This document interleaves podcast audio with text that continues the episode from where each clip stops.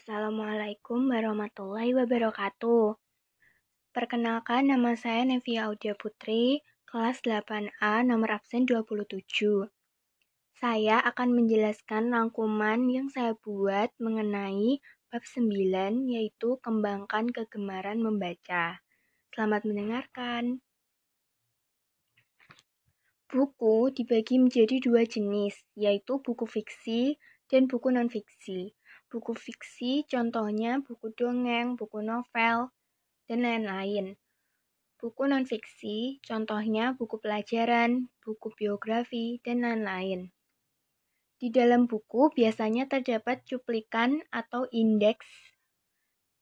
Cuplikan atau indeks yaitu daftar kata atau istilah penting yang terdapat pada buku cetakan. Indeks biasanya terdapat di, di halaman akhir dan tersusun menurut abjad. Berfungsi untuk memberikan informasi mengenai halaman tempat kata atau istilah dalam buku. Teknik mencatat informasi dalam buku yaitu pertama, tentukan istilah yang ingin dicari penjelasannya. Kedua, carilah halaman penggunaan istilah sesuai indeks. Ketiga, pahami penggunaan istilah tersebut. Keempat, catat bagian penting dari istilah itu.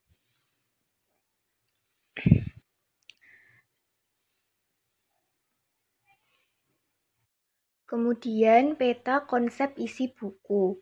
Peta konsep itu sangat membantu dalam mempelajari materi yang sangat banyak, karena dengan peta konsep kita bisa meringkasnya dengan mudah dan juga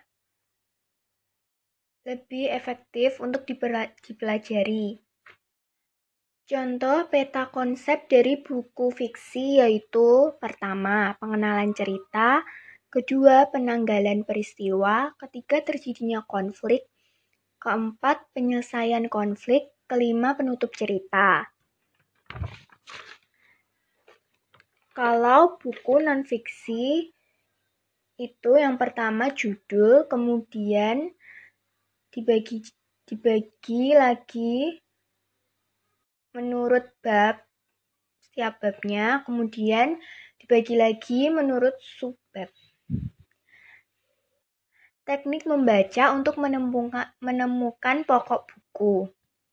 Salah satunya adalah teknik fiksasi.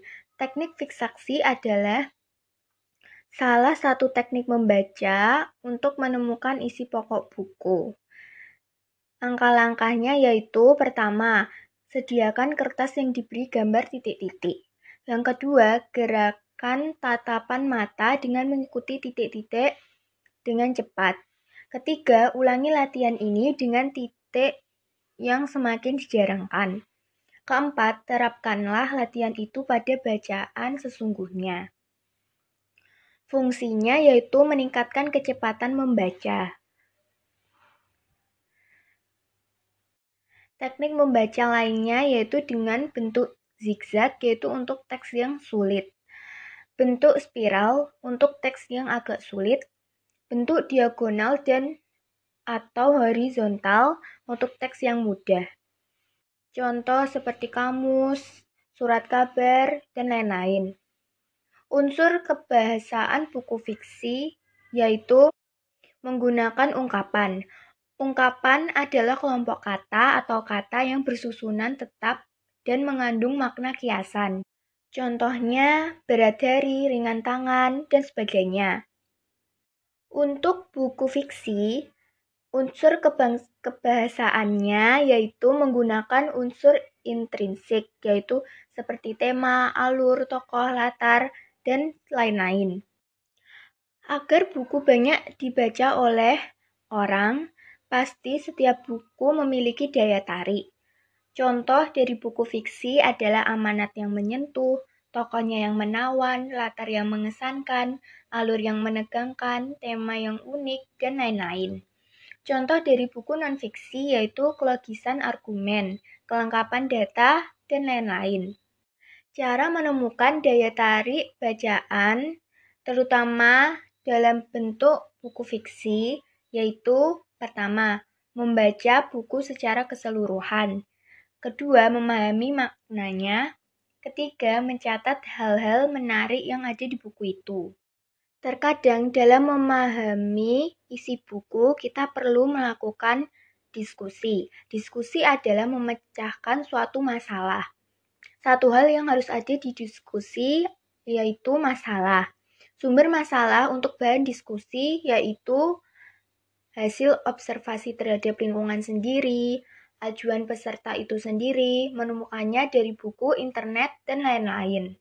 Terakhir, dalam menceritakan isi buku, kita harus bersikap jujur. Jangan karena kita tidak suka, kita menjelek-jelekan isi buku tersebut, padahal isinya bagus. Apa pun isi buku tersebut, suka atau tidak, kita harus menceritakan dengan jujur. Terima kasih. Wassalamualaikum warahmatullahi wabarakatuh.